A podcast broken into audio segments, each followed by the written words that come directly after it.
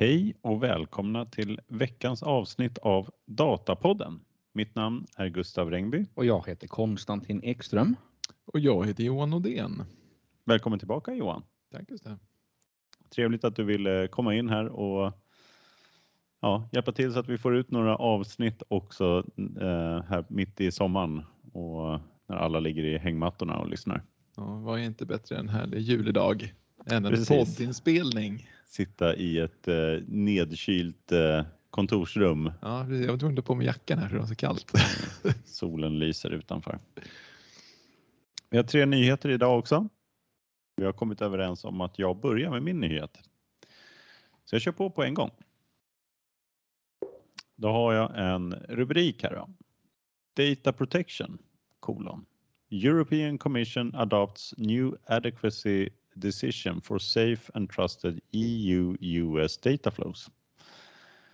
Den här nyheten kom ut 10 juli och det är ett eh, då på eceurope.eu som är alltså Europakommissionens egna hemsida. Och då säger de i den här artikeln då att eh, man har idag tagit ett adekvansbeslut rörande ramverk för datasäkerhet mellan EU och USA.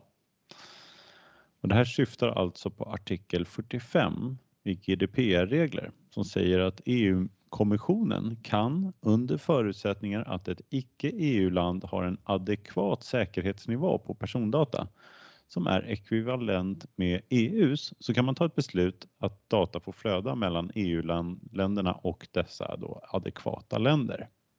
Det syftar då det här adekvansbeslutet på som man kanske har hört på lite olika ställen nu.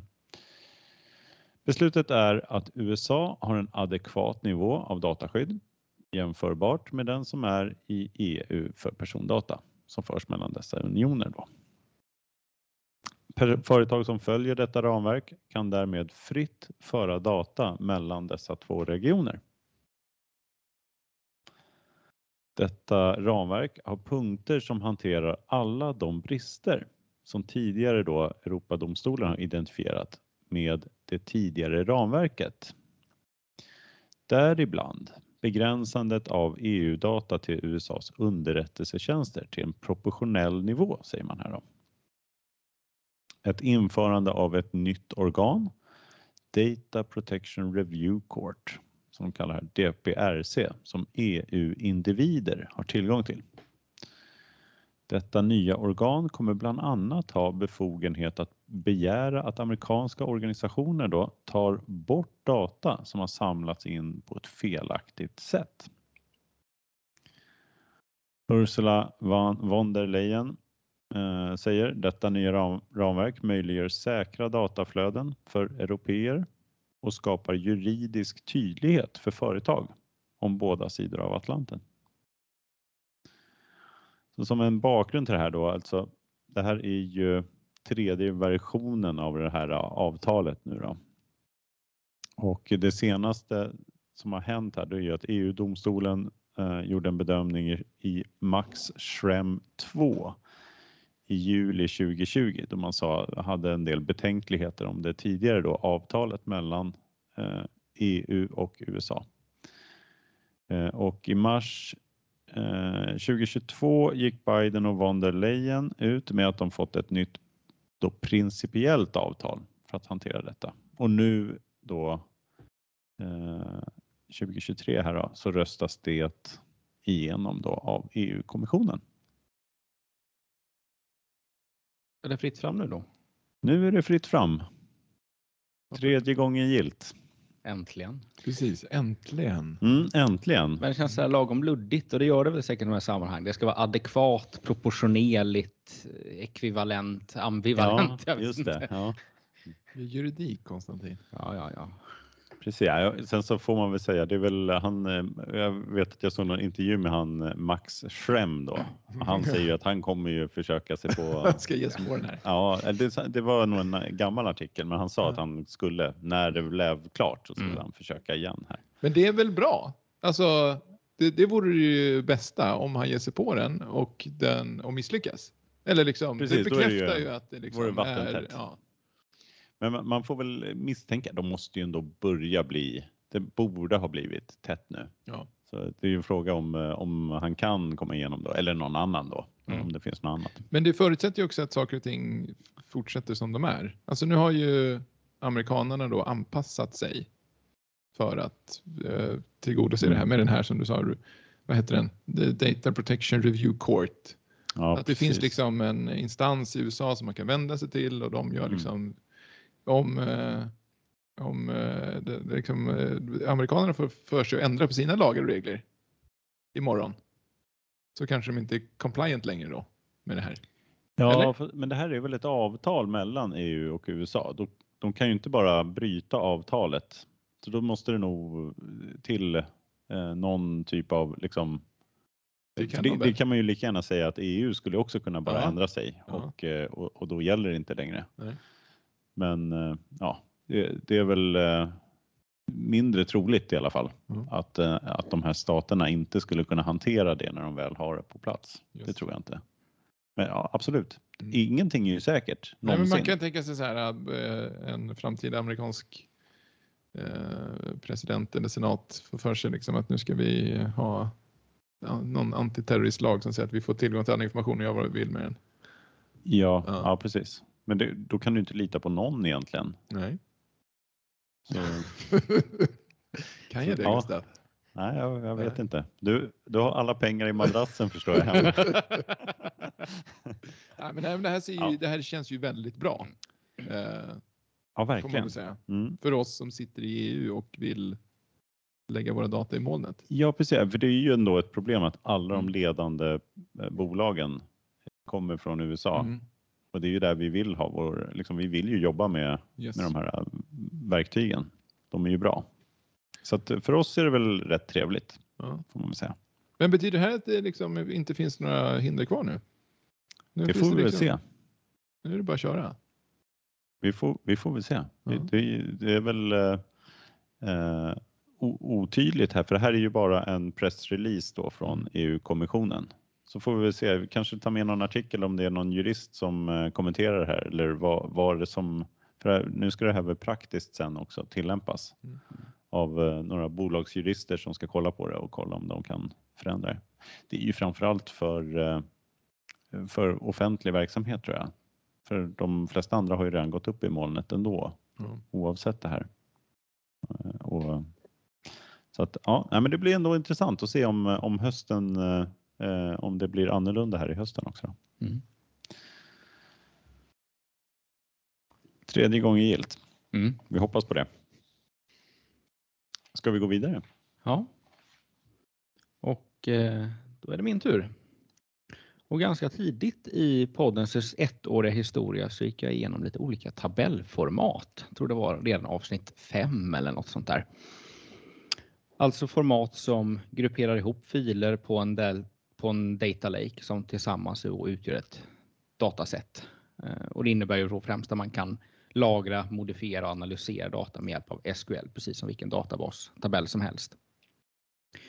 Eh, men då att datan ligger som filer på en lake istället för ett möjligtvis proprietärt applikationsformat någonstans. Och idag finns det då egentligen tre dominerande alternativ. Vi har Iceberg som är sprunget ur Netflix och Apple och som är något som Snowflake har satsat väldigt hårt på. Vi har Hoodie som är sprunget ur Uber och så har vi Delta Lake som ursprungligen skapades av Databricks eh, och som är det som vi nu sett Microsoft satsa på i sin nya plattform Fabric. Situationen med flera filformat utgör ungefär, eh, alltså de, de gör ungefär samma sak. Och den här situationen kan då liknas vid ett, eh, formatkrig mellan Blu-ray och HD-DVD. Eller för den delen VHS och Betamax, eh, för de som kommer ihåg det. Titta på dig Johan här. Men vad som kan verka som en gammaldags strid om eh, teknologiskt överläge eh, som utspelar sig på öppna marknaden Eh, har faktiskt en lite mörkare sida enligt Databricks vd och medgrundare Ali Godsi. Just nu måste jag välja. Vilken färg ska jag välja? Om jag väljer fel färg kan jag bli avskedad, sa Godsi under en presskonferens på deras Data and AI Summit här 2023 i San Francisco. Och för att bemöta denna problematik så har nu då Databricks lanserat ett nytt öppet tabellformat. Delta Lake 3.0 som sägs eliminera risken att välja fel. Det nya tabellformatet kallad eh, Universal Format eller kortare Uniform kan läsa och skriva data i alla tre tabellformat. Delta Table, Apache Iceberg, Apache Hoodie. Eh, med andra ord så vill ingen bli fast med motsvarigheten till dussintals betamaxband för stora datamängder. Eh, helt enkelt. Och Godsey förklarar sedan här i artikeln då hur Uniform fungerar. Och Universal Format betyder att vi, vi genererar metadata för alla tre projekten. Delta, Hoodie, Iceberg inuti Delta, säger han då. Eh, och metadata är mycket billigt. Den dyra delen av all eh, den, den dyra delen är den, liksom, själva datan och den lagras bara i ett format eh, i i Då.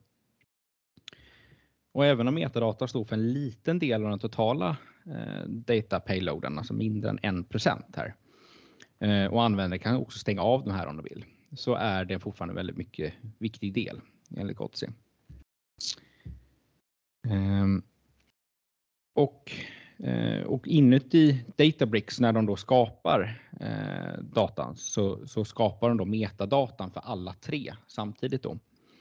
Ehm, så att eh, om man vill så tror då att man alla man pratar med en iceberg eller Hoodie eller något sånt där. Eftersom all metadata finns där för alla tre formaten. Eh, och precis som Delta Table så är Uniform-formatet eh, en öppen källkod, eh, vilket innebär att andra organisationer och till och med leverantörer kan använda den också. Eh, men tydligen får utvisa om Uniform är något som Databricks konkurrerar om. Eh, eller konkurrera med. I vilket fall så är Gods övertygad om att det kommer att gynna Databricks kunder. Och Delta Lake 3 kommer att finnas tillgänglig under andra halvan av 2023. Liksom, är det över nu? Är det klart nu? Nu kan jag spela ja. mina Betamax-filmer i Databricks bandspelaren. Är det så? Ja, trycka in en Betamax i en VHS. Ja. Ja. Ja, precis. Vad får, det, vad får det här för konsekvenser då? Spelar det någon roll? Man undrar ju liksom hur, robust är det? det alltså, jag tycker man har sett lite liknande när folk försöker kombinera olika format i ett, att det bara, bara blir snarare alltså en form av dubbelarbete. Man sparar. Eh, man har inte man förlorar ganska mycket på att det inte är sam, samkört utan det blir liksom man får kopiera data. Och, eh, I det här fallet skapar man ju upp då tre typer av metadata. Mm. Ja, man undrar om det finns några case där det liksom blir att man måste hålla på och skriva och förändra dem varje gång man gör någon ändring eller något sånt där. Då, då kan det ju kanske bli dyrt ändå, även om det bara är 3% av filen. Mm. Eh, men eh, annars är det väl rätt trevligt i alla fall. Mm. Att kunna få ut det så på det sättet. Ja, det är ju, superbra. Ja, man tar ju bort lite känslan av inlåsningseffekten på något sätt.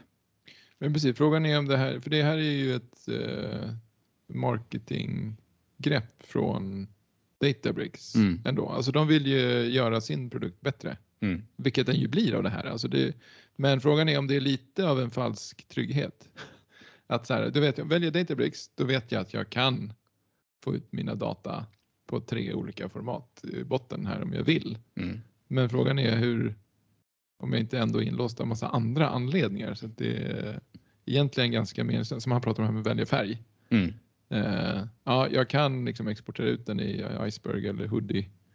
Men kommer jag göra det om jag nu har liksom byggt ett, en dataplatta mm. i Databricks? Ja, men jag tror ändå du kan ju en, ändå från Databricks välja Iceberg eller Hoodie för den delen. Att eh, skapa en tabell och exportera ut det med. Ja, om jag... så, så vill du få ut det, men det är väl snarare om man jag vet inte riktigt vad, vad, vad blir vinsten om du ändå har valet att skapa en Iceberg table ja. direkt. Ja, men då är det att exportera ut den. Då duplicerar du data. Mm. Här är det ju att du inte ska behöva duplicera data, utan du har metadata liggande. Så om jag skulle vilja liksom jacka på mm. en annan lösning mot samma data så finns metadatan där. Mm. om den nu är rätt. Han säger så här, de har ju tittat på open source-koden och gjort kopierat det, eller liksom skrivit om det så att den ska bli lika. Mm. Det kan säkert bugga. Jag anar ju att det, skulle, att det finns risk för att de inte blir exakt lika som standarden. Eh, Ja, just det. Sen så måste man underhålla det där. Ja, så de Så måste ju sitta och eh, underhålla en kodbas här nu för att så fort eh, de Precis. andra formaten ändrar gör sig, några förändringar. ja, så måste de implementera den. ja. Det är ja, risk för... Eller så hoppas man kanske att någon annan gör det då. Ja. Att Iceberg ska, ska göra det Mm. eller något. Jag vet Mm. inte. Men man undrar, öppnar de då också för att man ska kunna lätt liksom, flytta från Databricks? Det här öppnar upp liksom för att det är lättare att byta kanske? Eller? Ja, Ja, det ja. borde det väl göra. Det borde Mhm. väl vara lite enklare och, och inte bara vara låst till Databricks också. Mm. Det är väl positivt. Man får tänka sig att de, de säljer på känslan då att du inte är inlåst. Mm. Så att det är ingen fara att välja det. Precis, väljer Databricks så vet jag att jag inte är inlåst. Mm. Men Ja, väl- väljer jag någon annan då blir det som att välja Betamax. Ja, men exakt. Och det vill man inte Men, men det är väl inte bara en känsla. Det är väl ett, ett, eh, konstaterande också. Ja, Alltså just det, Mm. det är klart att det finns ju andra inlåsningseffekter. Mm. Men i det här fallet så är det ju en, en reell sak Ja. också. Mm. Det är inte bara en känsla nej, får man väl då säga. precis. Nej, det ser ju bra ut. Ja. Mm. ja, spännande. Ska vi gå vidare? Då är det bara jag kvar. Ja, Mina gamla nu, eh, artiklar. Ja, det är väl det där med färgen. Det var väl en, eh, en eh, man kan nästan säga att det skulle blivit en teknologisk skuld om man valde fel färg va? Eller? Mm. Är det så? Vad är en teknologisk skuld? Ja, jag vet undrar inte. Du då? Ja. Ja. Nej, jag, du är så, du är sån duktig programledare här, Ja, eh, tack. Gustav. Eh, jag har ju valt en artikel. Jag läser faktiskt en bok just nu av en herre som heter John Ladley om data governance. Eh, men jag har valt en artikel från honom eh, som heter A bit more on data debt. Där han då introducerar begreppet data debt eller dataskuld som man kanske skulle kunna säga på svenska då. Som han har lånat då från begreppet technology debt eller teknisk skuld som du var inne på Gustav, som kommer ju från liksom, eh, agile eh, eh, programutveckling. Det var väl en herre som heter eh, Martin Fowler, va, tror jag, som har myntat det från början. Eh, men han, eh, John Ladler, han vill ju gärna, han vill liksom introducera det här begreppet eh, dataskuld för att få ett sätt att prata om eh, liksom, för att kunna bygga ett, ett business case, liksom prata om värde när det gäller data management. För det är uppenbarligen ett problem att man liksom inte har en, en gemensamt språk att prata om eh, värdet av eh, data management. Um, så, och det finns ett större behov då i och med att eh, fler det, det blir större och större datamängder och eh, mer och mer behov av dat, eh, datalösningar. Eh, och han eh, vill gärna beskriva det här eh, dataskuld i två olika kontexter. Han börjar med att prata om det som ett, ett budskap kan man säga. Eh, som en metafor, liksom, att prata om eh, att man betalar nu eller man betalar sen eh, när man bygger någonting. Att liksom, om vi inte löser det här problemet nu så kommer vi behöva ta tag i det senare och att liksom skapa en, eh, en kontext för det. Då. Ehm, till exempel då, han tar som exempel här att om man ska planera en, en ny, bygga en ny applikation och så inser man att den här applikationen behöver ha en, eh, en eh, produktmaster i sig, en, en lista med, med items. Ehm, så kanske man väljer genvägen att bygga en ny sån här master i den här applikationen för att bara lösa problemet där och då och nå sin, sitt funktionella mål i den här applikationen och det här projektet. Men det kommer i förlängningen eh, ge en massa problem med eh, underhåll och risk för fel och massa extra jobb och skapa eh, en kostnad i förvaltningen eller i arbetet och, och öka risken senare. Även om man når sina kortsiktiga projektmål. Ehm.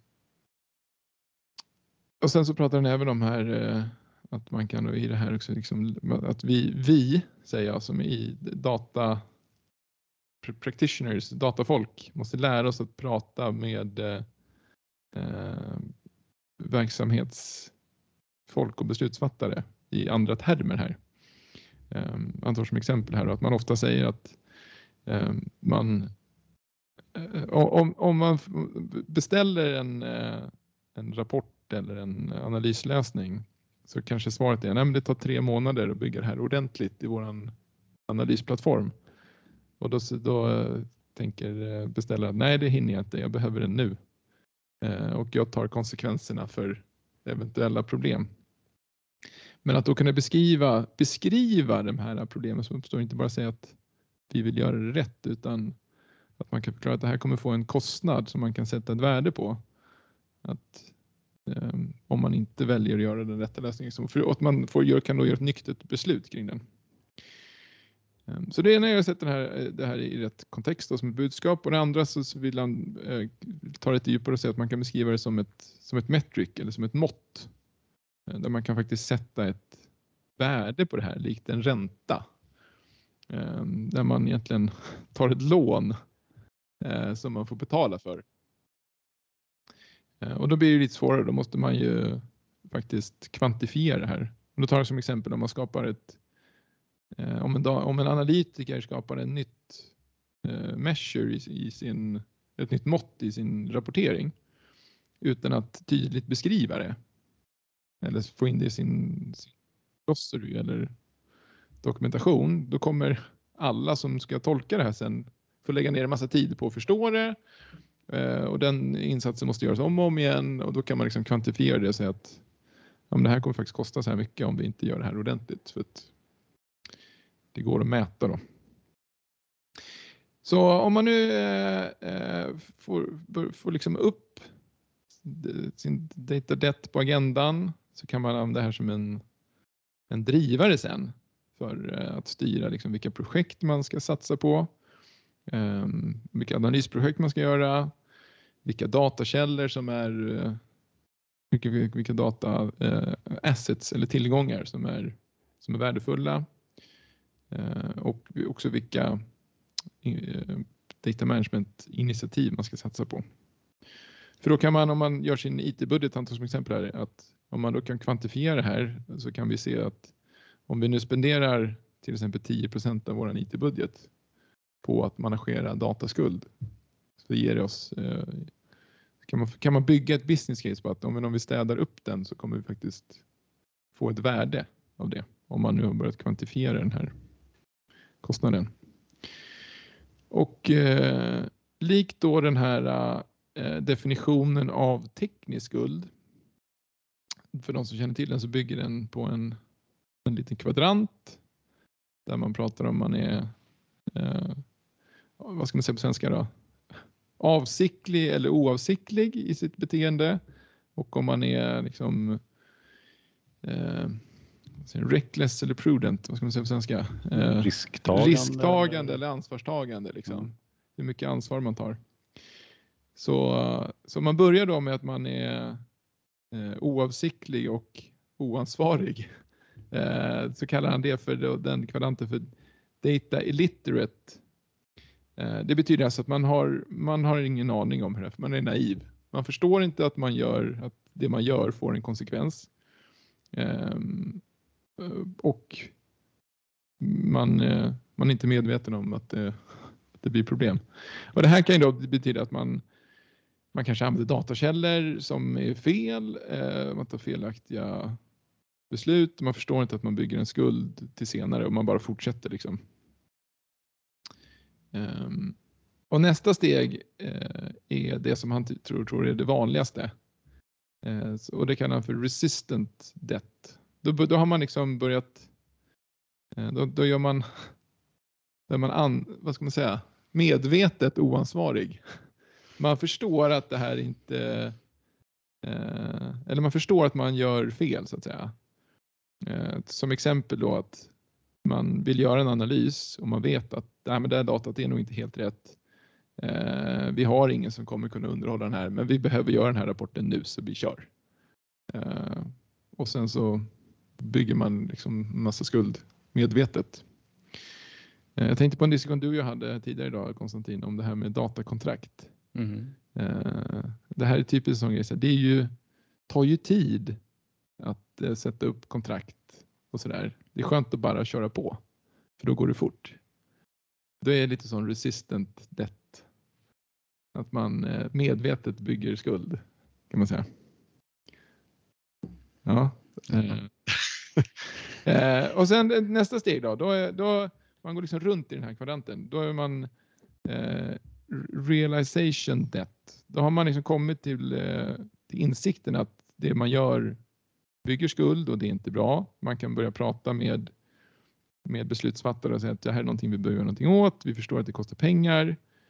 Men man, eh, man inser det liksom i efterhand. Man vet inte riktigt vad man ska göra för att undvika det, men man inser att man har byggt en massa skuld.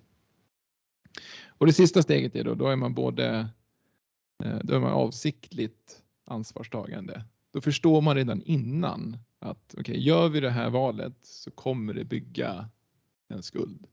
Eh, Och man kanske gör det medvetet då, att det är inte alltid värt, vi kanske inte har de där tre månaderna på oss, men man förstår att då får vi betala för det sen och att man inte bara kör. Ehm, så att oavsett var någonstans i den här kvadranten, för alla är någonstans i den här kvadranten. Alla bygger dataskuld på något sätt Eh, och är mer eller mindre medvetna om det. Oavsett var man är i kvadranten så kan man jobba med det här och, och börja prata om det.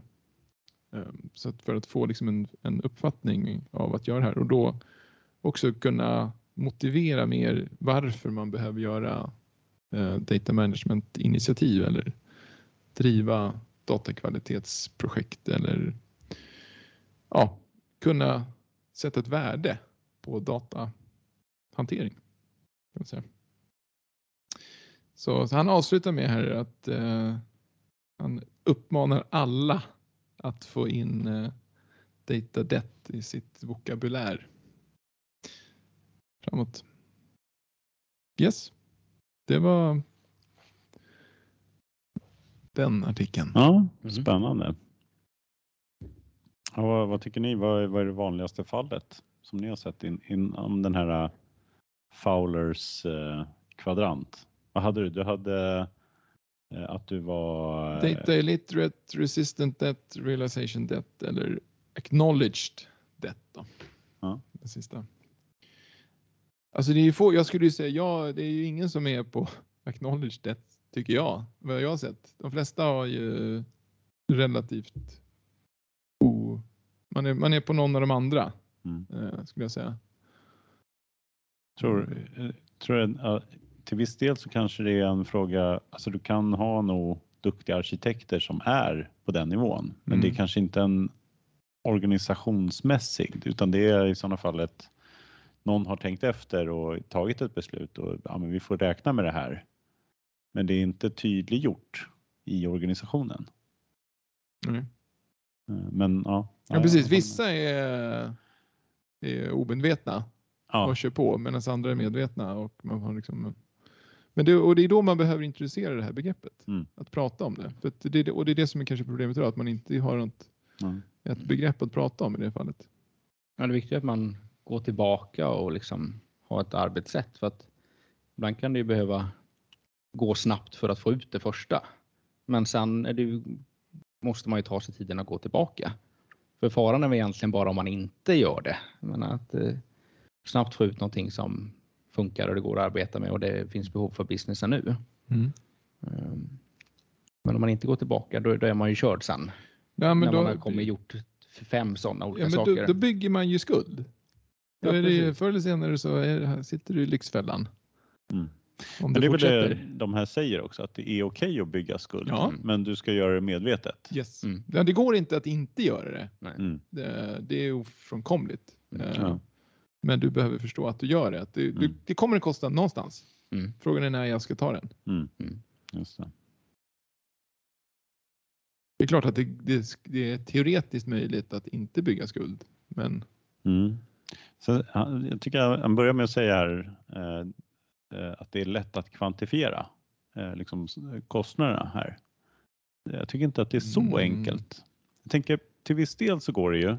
Eh, sådana här kostnader som är Ja, men nu har vi byggt det här mätetalet och det är byggt lite så att eh, ja, det är fem olika mätetal som visar samma sak i olika delar av avdelningar.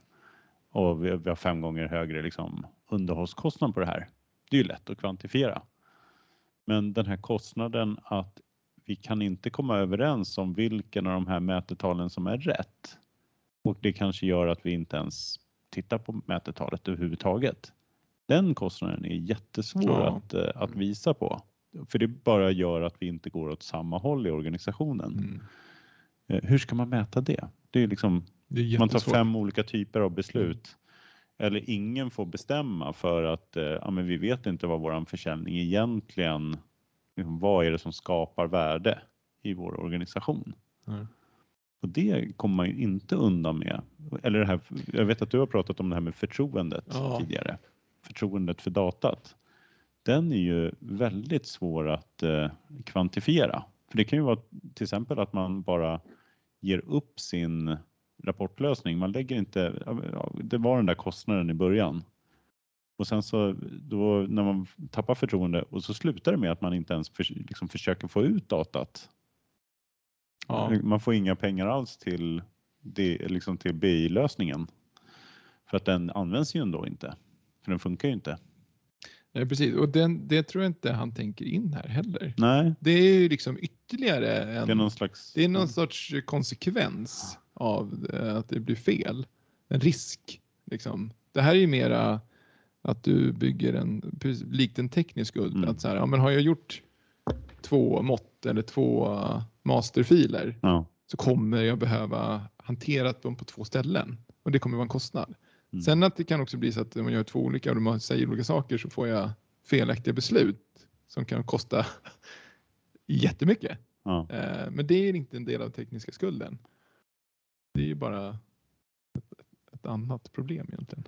Men det är ju svårt det här för att eh, du, du kan ju inte alltid bygga saker och ting helt rätt från början heller utan man måste ju ha den här eh, möjligheten att eh, gå på en knivsägg här Ja. Och försöka skapa affärsnytta så fort som möjligt. Mm. Men det, då är det ju så här, då, precis, likt den här kvaranten då, då, om jag går på den här knivsäggen, antingen kan jag göra det naivt och inte förstå Ja, eller så kan jag förstå att det kommer kosta sen. Mm. Så att man inte får den där äh, chocken. räntechocken sen. Mm. att det blir dyrt. Liksom. Mm. Är det några speciella typer av organisationer som brukar ha liksom, eh, olika typer av skuldmedvetenhet eller eh,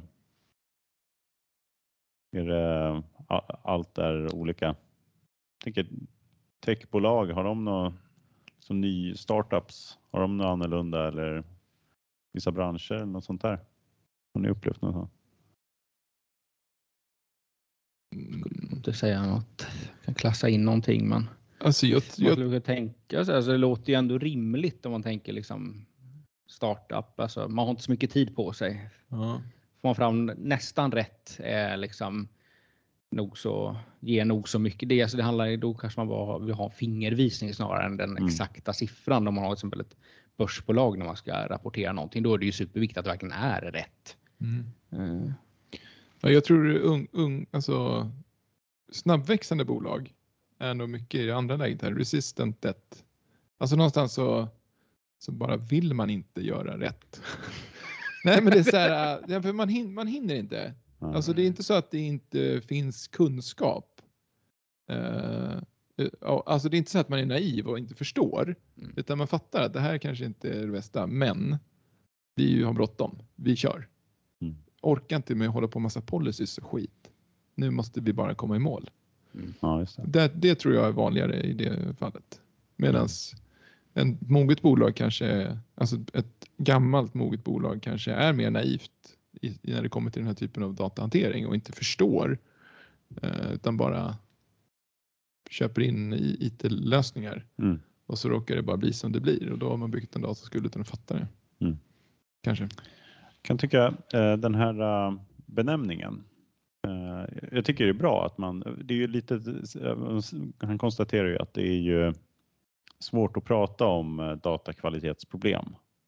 Ungefär. och därför ska man använda ett så här ord som är klatschigt. Mm. Och då är liksom dataskuld bra. Eller teknisk skuld också. Men det finns ju en skillnad för det, man tar ju ändå och då egentligen så eh, tar man ju och tänker på kanske en penningskuld. Och det är ju också lite felaktigt för den är ju om, om du om du till exempel då, ja men vi ska köpa in en maskin här till, till vårt företag för att förbättra en process. Och så lånar jag pengar och sen så köper jag maskinen. Och sen så märker jag att maskinen inte var något bra. Då slänger jag maskinen. Då, står jag, då har jag skulden kvar. Och så funkar det ju inte riktigt med de här tekniska skulderna. Om jag testar att bygga en rapport och så ser jag att den, fun- eller, den kanske var dålig. Och så hade jag skaffat mig en rejäl dataskuld när jag byggde rapporten. Så slänger jag rapporten. Då är skulden borta. Magiskt. Det är ingenting som är kvar. Liksom. Det, det blir ju en så skillnad. Man, man får ju en uppfattning av att eh, man måste betala av sina skulder jämt. Men du kan slänga det, eh, liksom din maskin och då försvinner skulden också. Ja, men det förutsätter ju att du kan se den som en isolerad maskin. Alltså att, eh, att du har en isolerad rapport bara du kan slänga. Ja, det här är med väl att betala. Ja, men ofta, det kanske, i realiteten kanske det oftast är komplexare än så. Att du, sitter, du har liksom en komplex IT-miljö där saker och ting sitter ihop. Ja, Så precis. du kan inte bara slänga den här isolerade grejen utan den kommer... Så kan det vara, men, men till viss del så så. är ja. det ändå att du gör en, alltså du kan ju testa dig fram med att skaffa dig tekniska skulder för att se om det är värt att göra. Men det, det kan du ju inte göra med en riktig monetär skuld. Eller troligtvis inte. Du, Säljer kanske om du säljer maskinen då. Ja, Så får om du... du har skrivit av den och sådär så Ja. kanske du kan, kan göra det också. Ja. Mm. Vad, det var en spännande, det är roligt att du är tillbaka här. Till, den är tre år gammal också. Så att, eh, du är tillbaka till ditt esse här och tar gamla, gamla ja, men nyheter. ändå har ni inte pratat om det här, eller hur? Trots Nej, jag tycker det är var jättebra. gammal. Det var en Ja. superbra artikel. Det kändes som lite den här rutan, det är som en liten variation på den här known knowns, unknown och sen så unknown unknowns. Ja, Ja, just det. precis. Det kan man Så det säga. kan nästan vara lättare att tänka. Mm. Precis. Man Mm. blir, ju mer man eh, vet att man inte vet. Mm. Det farliga är Ju det, mer man vet, desto mer vet man att man inte vet. precis. Och det farligaste är det man inte vet att man inte vet. Ja. Mm. Och då är man eh, data illiterate. Vet inte, bryr sig inte. Ja. Kan inte, så vill kan man inte. veta och så bryr man sig inte. Ja. Eller så, så vet man och, och bryr sig. ja, Mm. precis så. Vet, vet. Nej, men det är en bra eh, jämförelse. Mm. Det är ju verkligen så i den här kvadranten också. Ja, det, var väl, det är den här vet inte men bryr sig. Den är lite eh, lustig. Va? Vilken, det är den här längst ner till... Ja men precis, Höger, då har man ju, någon, ja, då har han ju, då, hans, hans eh, one-liner på den är ju så här, the cost of BI and data handling is silly. Alltså man inser så här, det här, eh, vi spenderar massa pengar på det här. Hur Mm. kunde det ha blivit så här? Ja, just det. Eh, jo, det, det verkar vara för att vi har gjort alla de här dumheterna. Men man, har, man gör fortfarande om dem. Men man förstår att man har gjort fel. Liksom. Mm. Men då är man ju någonstans, har ju bollen kommit i rullning när man kommer dit. Ja, precis. Man kan komma Ja. igång. Och man kan börja prata om det. Liksom. Det kanske är då först man börjar prata om data debt. Mm, När man har kommit dit. Liksom. just det. Mm. Ja, men det var bra. Vi tackar väl för eh, denna vecka. Hoppas ni har, eh, har en bra eh, sommarledighet här när ni lyssnar på det här. Tack och hej. Ha det gott. Tack för idag. Hej. Hej, hej.